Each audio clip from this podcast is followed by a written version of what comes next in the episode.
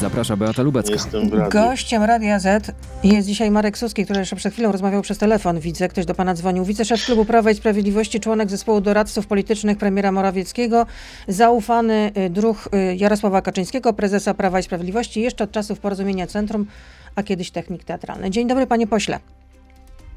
Dzień dobry, właśnie ktoś dzwonił, ponieważ premier dzisiaj jest w Radomiu, więc mamy gorącą linię.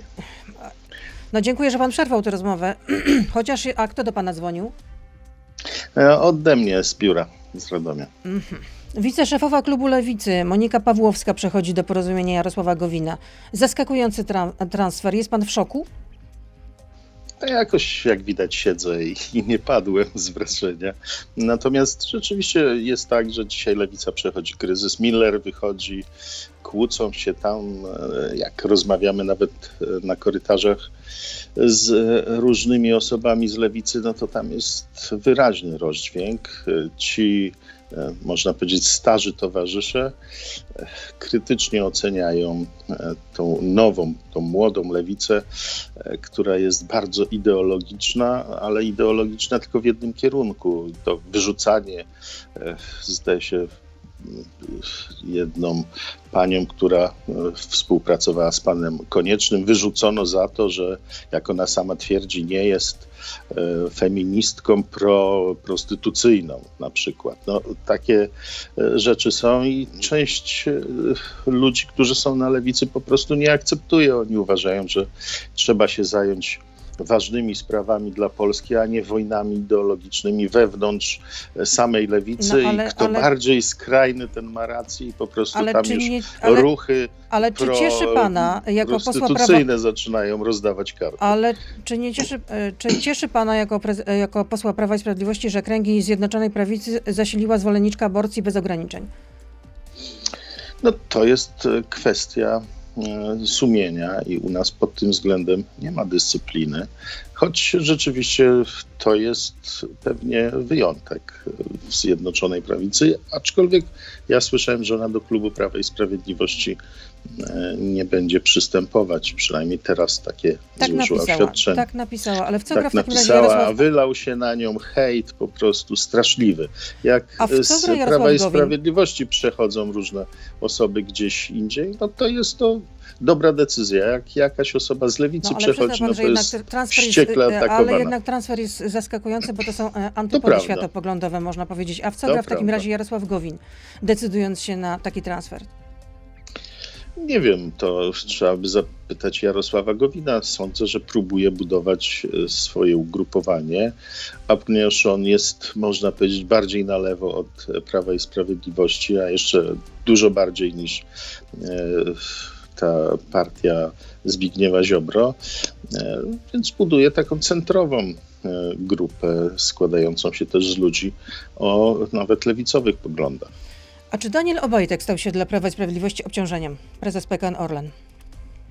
Daniel Obajtek, jak e, oceniamy jego działalność, jest osobą skuteczną, jest sprawnym menedżerem. No tak, to No i- powtarzacie zawsze, ale w i 3 lata to- kurs spółki poszedł w dół o prawie 40%. Ale obroty i dochody spółki wzrosły wielokrotnie No tak, ale PKN Orlen tego, co to, było to kiedyś. jest monopolistą na naszym rynku. No, do tej pory nie był. No tak, ale mimo, że ba- Były- baryłka ropy Były różne, potaniała, to były ceny na stacjach, e, ceny benzyny na stacjach między- Orlen cały czas na poziomie 5 między. Lotosem, między Lotosem a e, Orlenem była konkurencja pomiędzy dwoma e, spółkami Skarbu Państwa, no, choć Orlen jest e, w mniejszości e, udział Skarbu Państwa, to jednak była to konkurencja w ramach można powiedzieć, jednego państwa i konkurowały ze sobą firmy, w których Panie pośle, e, ale czy mógłby państwo miało odpowiedzieć na udziały, pytanie? więc E, połączenie... Moje pytanie brzmiało tak. połączenie- Czy Daniel Obajtek ja stał się dla PiSu do tego dojdę. Czy mógł pan powiedzieć tak, nie? Zaraz do tego dojdę. Otóż połączenie jest sensowne i za to połączenie jest wściekle atakowane. Ja przypomnę, że za czasów Platformy namawiano Rosjan do inwestycji w Gdańsk, czyli położenie tak naprawdę Lotosu i Orlenu. I, i ten wściekły atak jest związany z tym, że on broni Dobrze, e, polskich interesów. Ja I z pytam, tego czy... punktu widzenia z tego punktu widzenia Obajtek jest osobą, e, która robi dobre rzeczy dla Polski, a my chcemy, żeby dobre rzeczy robić. Czyli a jest rozumiem, że nie atakowany, jest bo jest- obciążeniem dla Prawa i Sprawiedliwości. PiSu. A widział pan No sondaż jest dzisiaj dla Gazety Wyborczej jako Press? 64% badanych chce dymisji prezesa, prezesa PKN Orlen. Czy prezes straci No, stanowisko? Tak. No, myślę, że jest w tej chwili badana e, sprawa, czy rzeczywiście te zarzuty są e, prawdziwe i mają potwierdzenie. No, na razie to chyba parówki podadzą się do dymisji, no bo to jest To największy mówił. skandal, jaki. No, to jest największy skandal, jaki opozycja znalazła. Natomiast no, czepianie się do kogoś, kto zarabia dobrze, ale bardzo duże pieniądze, ma- że kupił Ale tutaj, mieszkanie. ma, ale tutaj nie ma e, konfliktu interesów dla pana? Jeśli chodzi o te E, firmy. Jaki Jedno, jedną z, jedna z firm, która właśnie dostarcza te parówki. A jaki jest konflikt No, interesów w tym, że ktoś zarządu wygrywa, również y, zasiada, że ktoś wygrywa e, przetarg? zasiada w, radzie, w, Radzie Nadzorczej firmy, spółki, córki, jeśli chodzi o PK- PKN Orlen. To nie ma konfliktu interesów? Nie widzę tu konfliktu interesów, ale tym się zajmuje e, CBA. Natomiast ja widzę jedno, no, jeżeli jest jakiś człowiek związany z prawem i sprawiedliwością i osiąga sukcesy, i jeszcze do tego, jak e, no, ostatnio gdzieś czytałem, chyba w Onecie, że to, to skandal, syn malarza i krawcowej teraz jest taki bogaty, a nie jest synem żadnego UBK, SBK, żadnego człowieka z WSI, E, bada się jego brata, jego rodziców, ja pamiętam, kiedy my żeśmy pytali o to, no, kim są rodzice na przykład Kwaśniewskiego, to wtedy wylał się na nas Hmm. hejt. Jak to można pytać o rodziców?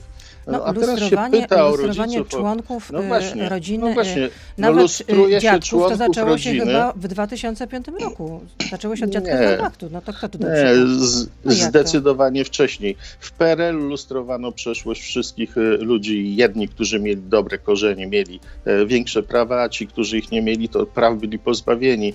I to Czyli trwa rozumiem, niestety i w rozmowę Rzeczpospolitej. y, Daniela Natomiast- Obajtka, rozumiem, że pan prezes może spać spokojnie, tak? I mimo, że są takie sondaże, to w takim razie... Nie sądzę, nie sądzę, żeby spał spokojnie. Po prostu e, po takim ataku e, trudno spać spokojnie, ale ten atak jest po prostu e, absurdalny. No, jak sobie przypominam, kiedy my mówiliśmy, no, między innymi był atak na to, że mówiliśmy o tym, że trzeba pokazać, kim są rodzice, z jakiej rodziny się wywodzi człowiek, no to dzisiaj się oczywiście odwróciło i dzisiaj się nas bada, choć my mówiliśmy o tym, dobrze, pokażmy. Ja nie mam nic przeciwko temu. Niech pokażą różni działacze, e, kim są, z jakich rodzin się wywodzą. Wtedy będziemy mieli pewność, No, myślę, jaka że to jest wojna. było, że gdyby to jest, swoje oświadczenie majątkowe po prostu pokazał y, prezes PKN ale Orlen. oczywiście, ale oczywiście, że on pokazał takie oświadczenie i ono jest badane.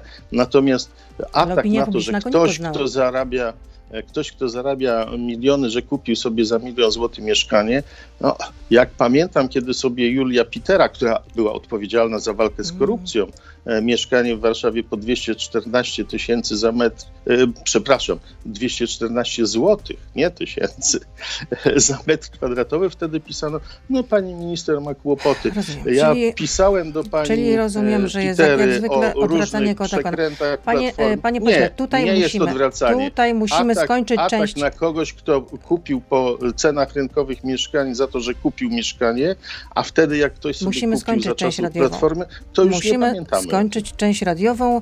Marek Suski, poseł Prawa i Sprawiedliwości, wiceszef klubu z nami zostaje. Jesteśmy na Facebooku, na Radio ZPL. Beata Lubecka, zapraszam.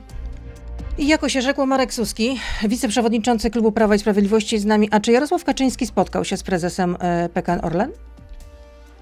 Nie wiem, to jest pytanie do obu panów. Ale przecież pan jest bardzo blisko ucha prezesa. No, wie pani, no, ale ja prezesa nie przesłuchuję, nie siedzę. A ja nie mówię, że pan ma go przesłuchiwać jego- generalnie. Jest pan jego- zaufanym, no, no, ale zaufanym to- człowiekiem Jarosława Kaczyńskiego, pytanie o to, druhem jeszcze z ja czasów wiem, e, porozumienia Centrum. Czy ja wiem o tym, czy ja wiem o tym, z kim e, każdego dnia spotyka się prezes? Nie wiem. E, I słyszałem o doniesieniach prasowych, ale ja nie wiem, czy one są prawdziwe. Czy... Hmm, może komuś zależy, żeby takie informacje upubliczniać. Chciałam się dowiedzieć prawie u źródła. No rzeczywiście nie jest pan prezesem Jarosławem Kaczyńskim, ale ma pan sądzę, bliskie że- związki z Nowogrodzką. No mam i to e, jestem, mm, myślę, z tego powodu dumny, że jestem z Jarosławem Kaczyńskim od wielu lat. I na ty. Nie odchodziłem, nie odchodziłem. No tak, od wielu lat jesteśmy na ty. Jeszcze w czasach porozumienia Centrum współpracowaliśmy e, bardzo blisko e, i uważam, że Jarosław Kaczyński jest osobą, która naprawdę ma wielkie zasługi dla Polski. A prezes Kaczyński, który tak wychwalał e, prezesa Obajtka, teraz nabrał wody w usta. Dlaczego? Dlaczego nie staje w jego obronie? Ale to proszę pytać Jarosława Kaczyńskiego albo rzecznika Ale prasowego. ja nie mam, ja nie nie mam możliwości, żeby zapisać, e, zapytać prezesa e, Prawa i Sprawiedliwości, bo prezes Prawa i Sprawiedliwości właściwie rozmawia tylko z wybranymi przez siebie mediami. W związku z tym pytam pana. Zresztą pan powiedział, że czuje się pan e, bardzo komfortowo, zaszczycony tym, że jest pan tak blisko prezesa Prawa i Sprawiedliwości od wielu, wielu, wielu lat. No to na pewno zna pan zdanie pana prezesa Kaczyńskiego w tej sprawie. Nie, nie znam. No trudno mi sobie wyobrazić. Myślę, że pan po prostu nie chce się podzielić z opinią publiczną Ale taką ja informacją. Nie rozmawiałem, na ten, nie rozmawiałem na ten temat z Jarosławem Kaczyńskim. Trudno mi, trudno mi naprawdę w to uwierzyć, naprawdę bardzo trudno. No ale proszę uwierzyć, no, to jest prawda. Liczba zakażonych COVID-em rośnie. Czy to nie jest już czas, żeby wprowadzić stan klęski żywiołowej? Pytam pana jako, jako, jako szefa, nie, nie jako szefa, ale jako jednego z członków y, zespołu doradców premiera Morawieckiego.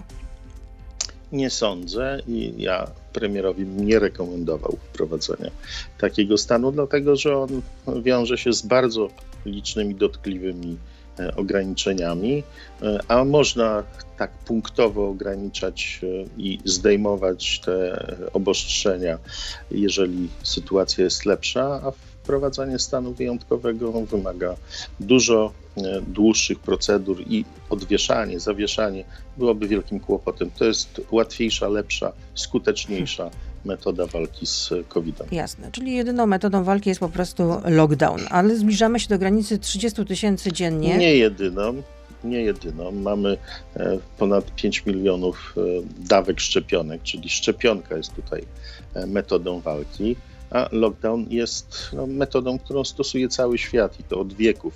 Jeszcze w czasach, kiedy nie było szczepionek, to się tak nie nazywało, ale kwarantanna była stosowana e, w czasach dżumy, całe miasta się zamykały, zamurowywano e, drzwi do domów. Takich metod nie stosujemy, ale jednak proponujemy to ograniczenie i bardzo prosimy wszystkich Państwa o samo ograniczenie. Dlaczego o tym wspominam? Ponieważ y, zbliżamy się do granicy 30 tysięcy zakażeń y, dziennie i wkraczamy w stan klęski żywiołowej. Tak mówi profesor Andrzej Matyja, szef Naczelnej Rady Lekarskiej. Więc stąd moje pytanie.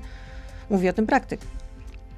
Zbliżamy się rzeczywiście do takiego punktu, w którym y, mogą wystąpić problemy, ale właśnie między innymi dlatego dzisiaj jest premier w Radomie, bo uruchamiamy tam szpital tymczasowy, żeby właśnie nie było takich sytuacji jak w innych krajach, że nie było miejsc w szpitalach dla osób e, zakażonych, a z drugiej strony to ograniczenie ma spowolnić rozprzestrzenianie się e, COVID-a i spowodować spadek zakażeń, po to, żebyśmy szczepiąc kolejne osoby, zabezpieczając te osoby przed zakażeniem, albo E, w sytuacji zakażenia dużo łagodniejszego przejścia przez chorobę, e, żebyśmy mogli doczekać do takiego punktu przejścia przez ten najwyższy punkt i osiągnąć spadek.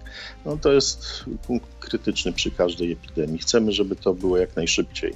Czyli nie będzie stanu nadzwyczajnego, przy czym się upieracie od samego początku, chociaż opozycja mówiła, że należałoby właśnie w ten sposób postąpić. A dlaczego nie są jeszcze... No, opozycja, opozycja mówiła, że na jesieni ubiegłego roku już będzie po covid Tak, a pan premier mówiła, mówił, że... W... Są, tak, a pan premier mówił latem przy okazji kampanii prezydenckiej, że y, COVID jest w odwrocie, że nie ma się czego bać. Wirus tak, jest w odwrocie, absolutnie. Wtedy, Jego już nie ma, tak mówił pan premier. No tak. Nie, nie mówił, że go nie ma. No nie, no prawie już go nie ma, no nie, no chwileczkę, no, no, no panie prawie, pośle, no. Prawie, bo rzeczywiście w wakacje był znaczący spadek, a później od września Mówił wyraźnie, że jest w odwrocie że nie ma się czego bać. Pamiętam te wypowiedzi pana premiera e, Mateusza Morawieckiego. A dlaczego nie są zaszczepione jeszcze roczniki 70+. Plus?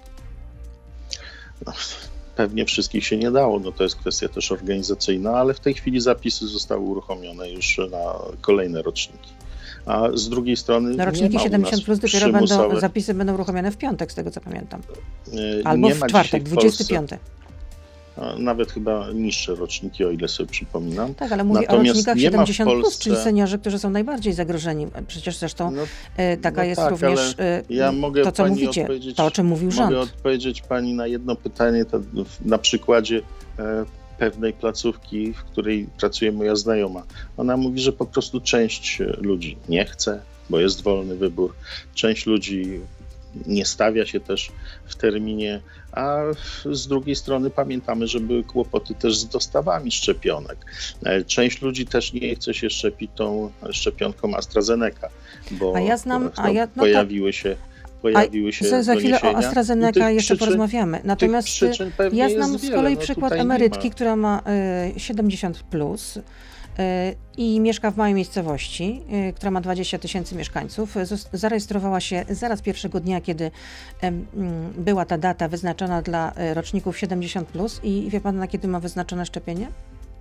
Nie wiem, a w jakiej miejscowości to będziemy interweniować, jeżeli tam są jakieś y, pod, problemy? Pod Łodzią i y, ta pani ma wyznaczony termin na y, 7 maja to bardzo późno. Prawdopodobnie to jest wynikiem jakichś e, perturbacji organizacyjnych, ale nie pytam o nazwisko, bo to jest tajemnica, ale jeżeli by mi pani powiedziała, w jakiej miejscowości, to będziemy interweniować, żeby sprawdzić, dlaczego tam się tak dzieje. Dobrze, to powiem panu, ale już poza anteną. A czy będzie e, zmiana e, w harmonogramie szczepień? Czy AstraZeneca, szczepionka, będzie dostępna dla tych, którzy chcą się zaszczepić niezależnie od metryki? Być może tak będzie. No tutaj to jest też pytanie do zespołu ekspertów, to oni będą wypracowywać rekomendacje. A dlaczego rząd nie zamyka e, kościołów w ramach lockdownu?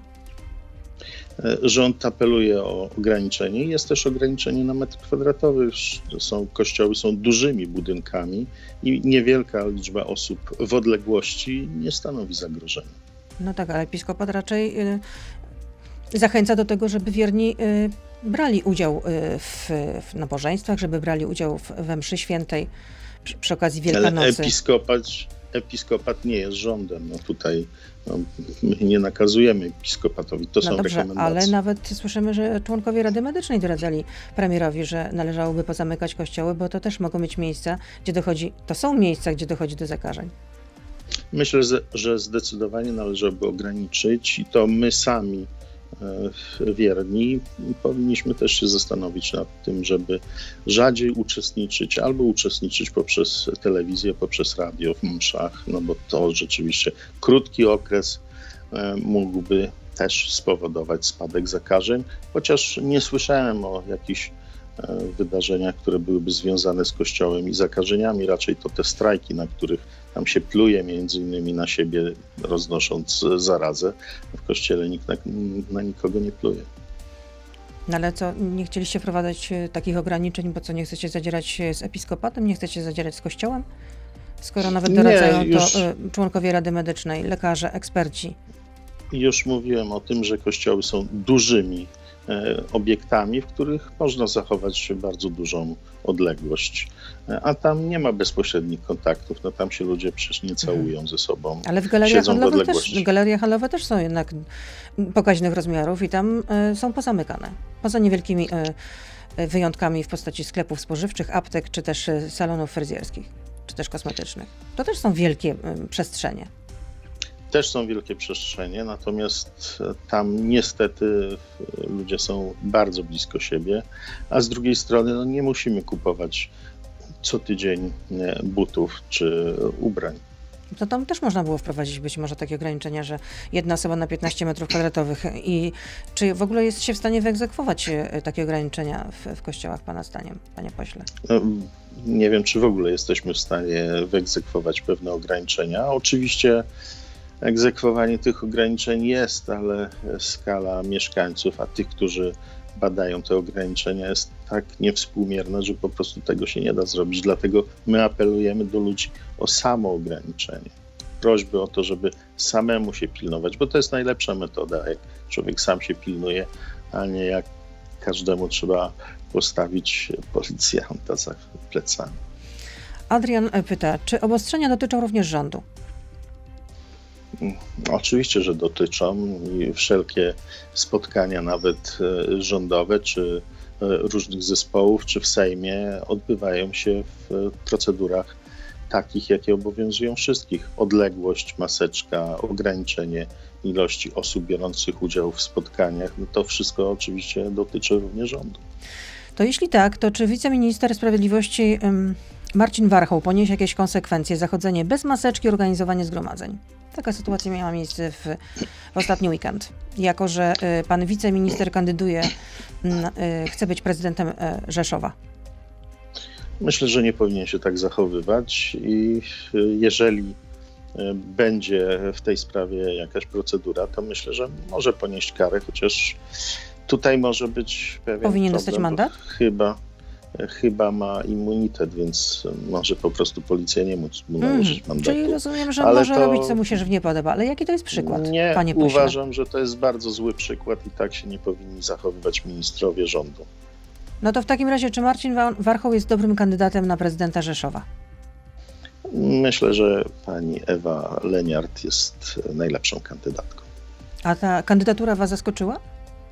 Kandydatura ze strony Solidarnej Polski, chociaż Marcin Warchoł zadeklarował, ja nie wiem, czy już wystąpił z Solidarnej Polski, czy jeszcze nie wystąpił, ale zadeklarował, że będzie y, kandydatem bezpartyjnym, niezależnym.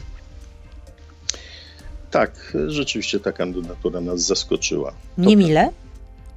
Niemile. To znaczy, że co, że Zbigniew Ziobro sypie wam e, piach w tryby? Nie, ma swoją partię i ta partia ma prawo też do własnych decyzji, ale ta decyzja nas rzeczywiście zaskoczyła, nie była ona w żaden sposób konsultowana. To jest pytanie słuchacza. Dlaczego Prawo i Sprawiedliwość nie poparło ostatecznie w wyborach na prezydenta Rzeszowa kandydatury pana Warchoła Solidarnej Polski, a tak deklarował na początku prezydent? Ale który prezydent? RP. Ale prezydent nie jest członkiem Prawa i Sprawiedliwości. Ale był. No był, ale teraz nie jest nie jest we władzach. Natomiast decyzja należy do władz Prawa i Sprawiedliwości. My mamy swoją kandydatkę, więc trudno, żebyśmy popadli w jakieś rozdwojenie jaźni i popierali dwie osoby. Popieramy panią Ewę Leniart. To jest bardzo sprawna osoba. Pokazała, że jest dobrym gospodarzem tam, na miejscu, na Podkarpaciu i taką osobę warto mieć jako prezydenta miasta. A pan Warchoł, no, wystartował, jako że jest z innej partii, ma do tego prawo, ale my go nie popieramy. A czy wybory odbędą się, e, te uzupełniające e, odbędą się w terminie 9 maja, czy raczej będą jednak przes przesunięte? Mam nadzieję, że się odbędą w normalnym terminie, no chyba, że będzie jakaś sytuacja katastrofalna, jeśli chodzi o pandemię. Przypomnę, że dzisiaj gościem Radia Z jest e, Marek Suski, wiceszef Klubu Prawa i Sprawiedliwości, także e, członek zespołu doradców politycznych e, premiera Mateusza Morawieckiego. Mm, pytanie do pana, takie jako szefa Rady Programowej Polskiego Radia. Dlaczego Jarosław Gowin nie ma wstępu do mediów publicznych?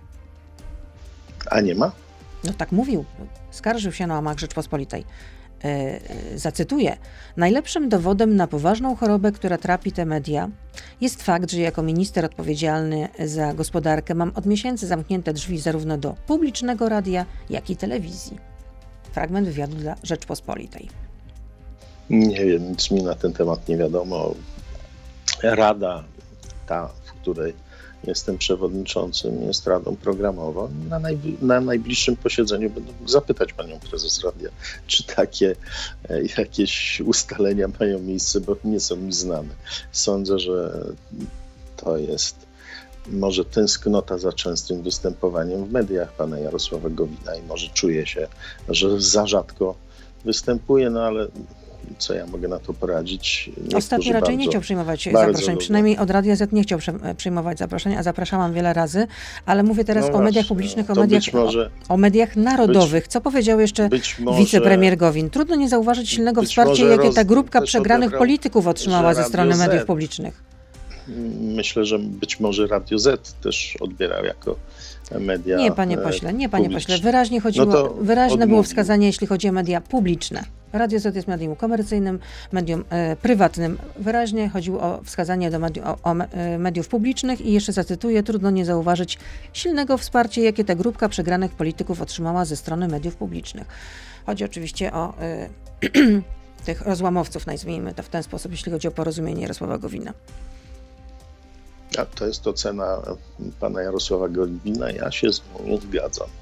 Ale będzie pan interweniował, rozumiem, tak? Jako szef e, e, Rady Programowej Polskiego zapytam, Radia? Zapytam, ja mogę powiedzieć, że my nie ustalamy tego, kogo do radia się zaprosi. My ustalamy pewien e, program ramowy, nie odnoszący się do tego, czy ten, czy ów pan jest zapraszany. Natomiast zapytam, korzystając z okazji bycia na najbliższym posiedzeniu Rady, czy to prawda, czy jest jakiś tego rodzaju zakaz, no bo jeżeli pani mnie pyta, Jarosław Gowin to twierdzi, to spróbuję to ustalić. Ja nie znam takiego zakazu i nie sądzę, żeby był. Sama pani powiedziała, że do Radia Z też odmówił przyjścia, więc no być może to jest też, jak to zwykle bywa, no, wina może po obu stronach trochę leżeć. Co innego Radio Z, a co innego media publiczne. Tutaj wyraźnie była tak. skarga wymierzona w media publiczne. Łukasz Ale pyta. ja to rozumiem. To tylko mówię, że jeżeli odmawia tu, a ma pretensje, że nie jest gdzieś indziej, no być może i tam też odmawia. Nie wiem, nie znam. Tak, czy powiedziałem. Zapytam, no coś będę wiedział, to mogę odpowiedzieć. Łukasz pyta, co pan już zdążył zrobić jako szef Rady Programowej Polskiego Radia? No, mieliśmy jak na razie jedno posiedzenie, więc e, poprosiłem o to, żebyśmy mogli się zapoznać na kolejnych posiedzeniach z ramówkami, z plama, planami, e, jak mają być e, te ramówki konstruowane. No i była dość szeroka dyskusja nad tym. Najpierw oczywiście była dyskusja nad tym, w jakiej kolejności mamy rozpatrywać ramówki, bo przedstawiciele opozycji mieli inną koncepcję ja zaproponowałem taką koncepcję, można powiedzieć, pojednawczą, że będziemy rozpatrywać w kolejności, w której to, co Państwo chcieli, żeby było pierwsze, będzie e, w kolejności trzeciej, ale będzie, żebyśmy mogli też dogłębnie się przygotować. Tu chodziło o e, sytuację w radiowej trójce. Czyli co pójdzie na pierwszy ogień w takim razie? Według kolejności. Na pierwszy program jedynka, na drugi dwójka, na trzeci trójka, kolejności e, numerów e, anten. A y, pytań, słuchacze też pytają, czy jest realna możliwość koalicji Zjednoczonej Prawicy z Kukiz 15? Myślę, że taka możliwość jest. Nie ma zakazu zawierania koalicji w Polsce, więc to też jest możliwe. A pan by siebie widział w, w ławach z Pawłem Kukizem? Że głosujecie ramię w ramię? Przecież siedzimy w jednych ławach z Pawłem Kukizem. Ale nie obok siebie. Po przeciwnych. Ale i tak byśmy nie siedzieli obok siebie, bo oni pozostali pewnie w tym miejscu, gdzie są. Także to, to nie zmienia miejsc. No tak, ale trochę w innym charakterze jednak, w charakterze mówię, koalicjanta. Mówię, mówię nieco żartobliwie, bo to przecież pani też to jako przenośnie użyła. Ale e, mówiąc między nami, ja nie widzę problemu, jeżeli ktoś chce e, służyć Polsce i uważa, że wzmocnienie dobrej zmiany jest z jego punktu widzenia słuszne, to zapraszamy bardzo chętnie. E, zapraszamy wszystkich, którym to leży na sercu. No ale Paweł Kukiz stawia wymagania no to jest normalne w polityce, wymaganie się stawia. A jakie są szanse, żeby w, w tym programie Nowy Ład, który miał być zaprezentowany w sobotę, a jednak został obydwu. przełożony w czasie, znalazły się takie postulaty jak e, na przykład sędziowie pokoju, e, pakiet ustaw antykorupcyjnych, zmiana ordynacji wyborczej? No, myślę, że na ten temat e, można się zastanowić. Natomiast przesunięcie tego nowego ładu było spowodowane niestety wzrostem zachorowań i tym, że rząd dzisiaj musi się przede wszystkim zająć e, leczeniem i zapobieganiem, e, jeśli chodzi o COVID, a nie prezentowaniem e, programu. To mogłoby swoją drogą stać trochę w sprzeczności z koniecznością, jaką jest w tej chwili wzmożona walka z COVID-em. No to prawda, Polacy teraz mają zupełnie co innego w głowie, ale to nie jest tak, że to, to pewien prawda. również pretekst, bo nie możecie się dogadać się w ramach Zjednoczonej Prawicy, no jeśli chodzi o ten program, program Nowy Ład? Ale to jest program Prawa i Sprawiedliwości, to nie jest program Zjednoczonej Prawicy. Inne partie, które są no dobrze, w ramach ale ktoś musiałby to poprzeć w Sejmie, no jednak. Też. No, nowy Polski Ład nie jest e, planem, e, który będzie głosowany w Sejmie. Ewentualnie różnego rodzaju No ale ustawy, pewne ustawy tak, jak niego... na przykład podniesienie kwoty wolnej od podatku tak. do 30 tysięcy złotych. Myślę, że to będzie poparte więcej niż tylko Zjednoczoną Prawicą, ale przede wszystkim w tym nowym Polskim Ładzie jest na pierwszym miejscu plan na zdrowie, czyli zapobieganie, rozwinięcie służby zdrowia, wsparcie, więc to tutaj będzie wymagał też pewnie ustaw, no ale oczywiście planowanie e, dekady rozwoju, czy wsparcie, dalsze wsparcie rodzin. e, też będzie wymagało pewnych ustaw. No, natomiast e, jeżeli będziemy proponować różne rozwiązania dla seniorów, no też wyobrażam sobie, że inne partie to poprą, chociaż jak słyszymy, w jaki sposób swój program prezentuje Platforma, że im gorzej, tym lepiej, no to być może oni pewnych rzeczy, nawet dobrych dla Polaków, nie będą popierać. A to, co uważają, że nawet jest dobre, zawsze potrafią obśmiać i w jakiś sposób zaatakować. No, opozycja jest od tego, żeby patrzeć władzy na ręce. Teraz już ostatni set pytania od słuchaczy do Marka Suskiego, wiceprzewodniczącego Klubu Prawa i Sprawiedliwości. Bronisław pyta, czy y, sądzi pan, że dojdzie do przedterminowych wyborów, czy odbędą się one w planowanym terminie w 2023 roku? Na dziś nie ma takiego zamysłu i nie ma najmniejszego powodu, żeby były przedterminowe wybory.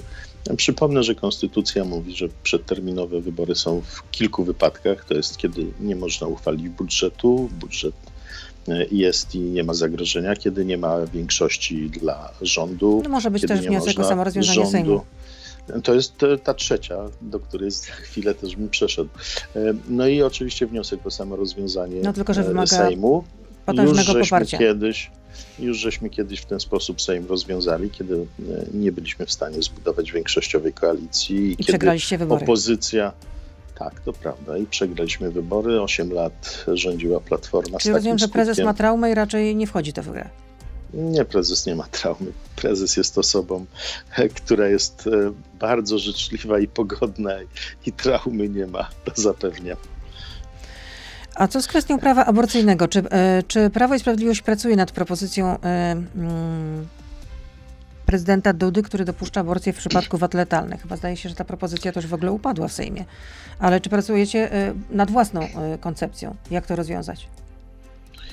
No, na ten temat jest zespół, który się zastanawia, jak to zrobić. No, ja oczywiście jestem za tym, żeby tą sprawę uregulować, bo taka nieścisłość, choć e, Trybunał Konstytucyjny w swoim e, postanowieniu zawarł, że w wypadkach takiego e, zagrożenia albo takiego przekonania decyzja może należeć do lekarza, więc jest to badane. Być może na podstawie uzasadnienia Trybunału Konstytucyjnego nie trzeba będzie wprowadzać tego rodzaju zmian i wystarczy ta interpretacja. Czyli gracie na zwłokę, rozumiem, że na razie temat został zupełnie odłożony ad acta. Karol e, pyta, czy e, były minister Tchórzewski podjął decyzję o budowie elektrowni węglowej w Ostrołęce. Miliard złotych pójdzie w piach. Dziś tenże minister jest w Radzie przy premierze. Zero konsekwencji. Czy gdyby tak zrobiła Platforma Obywatelska, to nie krzyczałby pan Granda? Decyzja o budowie e, elektrowni w Ostrołęce była decyzją rządu, nie tylko jednego ministra. E, I to jest Ale po pierwsze. To nie jest po drugie. No wycofujecie się z tego. No.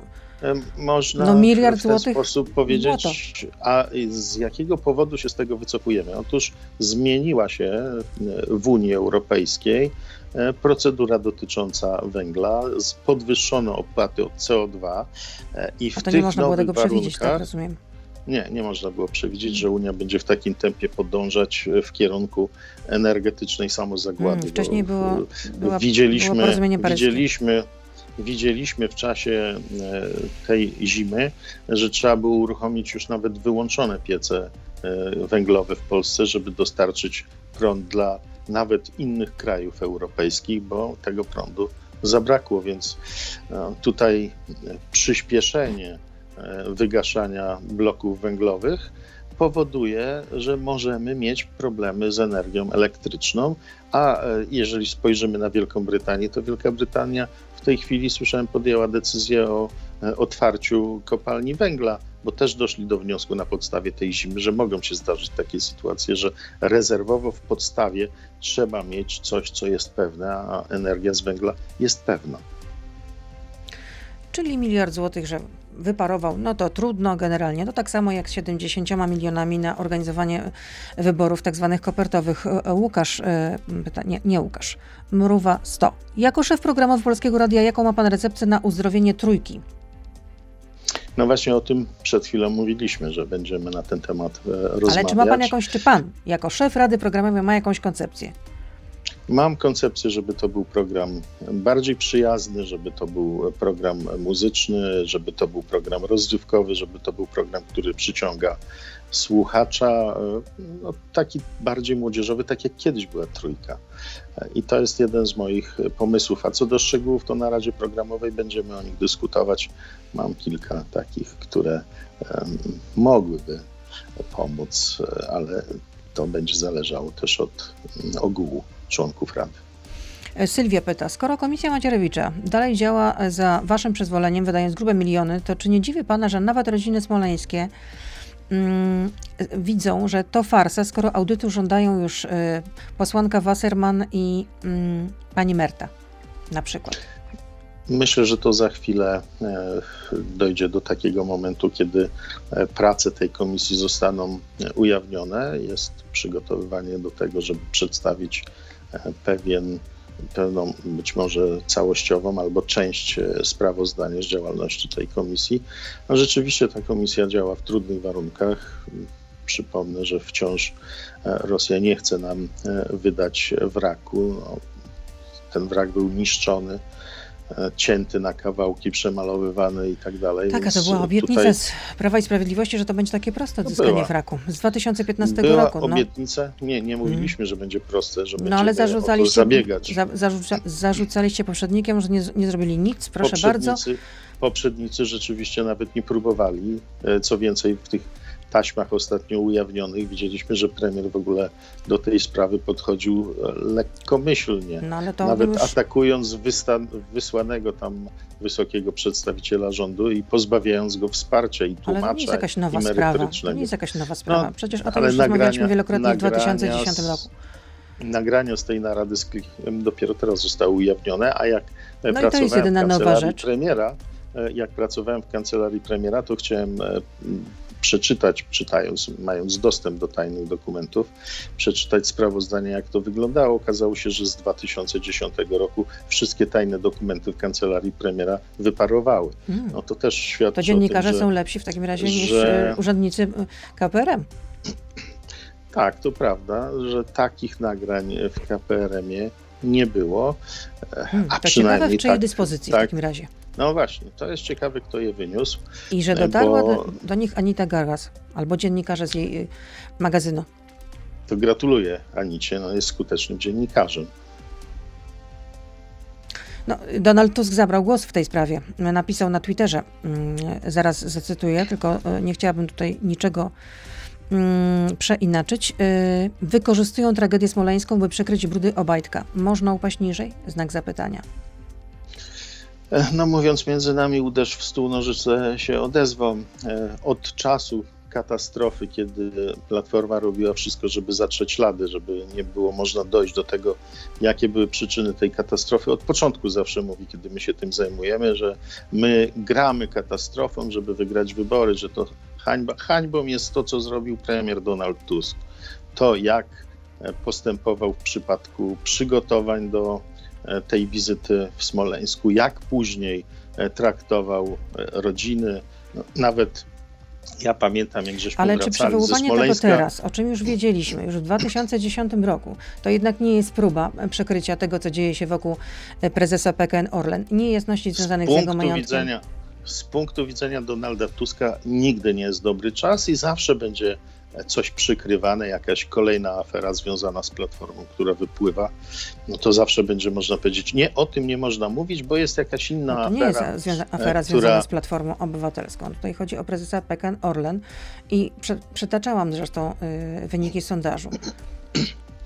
To prawda, wyniki sondażu mogą takie być, bo przy tak zmasowanym ataku, ale też tak absurdalnym, jak na przykład to, że syn premier Szydło pracuje w jakiejś spółce jako pewnie sprzedawca, bo to się Ale to tak nie można w ogóle publikować takiej informacji, a co w tym jest nadzwyczajnego? No, a Przecież, jest? no dobrze, ale właśnie, to przecież no nie pani premier co Beata Szydło jest, jednak. e, Pani premier Beata Szydło jednak e, upubliczniła Ale fakt. co w tym jest? Ale że ma syna, czym się syn zajmuje, że będzie wyświęcany na, na księdza. Przecież były Nie, rozumiem, rozumiem, Przecież że opisywano ukryła, tę że rodzinę, ma że to jest prawdziwa, patriotyczna Byłoby- rodzina. No właśnie. No to wtedy można jest. było, a teraz nie można. No tak, tylko teraz się mówi, że to skandal, że syn pracuje gdzieś jako przedstawiciel handlowy. No to jest skandal. Nie, chodziło że tylko w jakiej firmie trzepia- pracuje, że są jednak pewne no, konotacje jakiej? No, między premier. No pracuje w firmie, w której udziały ma no Daniel prywatnej. Obajtek, o to No chodzi. co A rzeczywiście, a to, że pracuje A przedstawiciel handlowy, że faktycznie to jest bardzo ciężka praca, to nie jest takie hop i to nie- są same Przecież nie pracuje w spółce Skarbu Państwa, czyli nie pracuje w państwowej, tylko w prywatnej spółce. A co, prywatna spółka nie ma prawa zatrudniać kogo chce? Nawet jeżeli e, kogoś zna, osoba, która ma jakieś udziały, to nie Zastanawiam się może tylko, że gdyby podobna osoby. sytuacja wydarzyła się e, w. Platformie Obywatelskiej, to też byłby To pan co? taki e, pobłażliwy. Muszę już kończyć tutaj Nie, niestety. Nasz czas się skończył, panie pośle.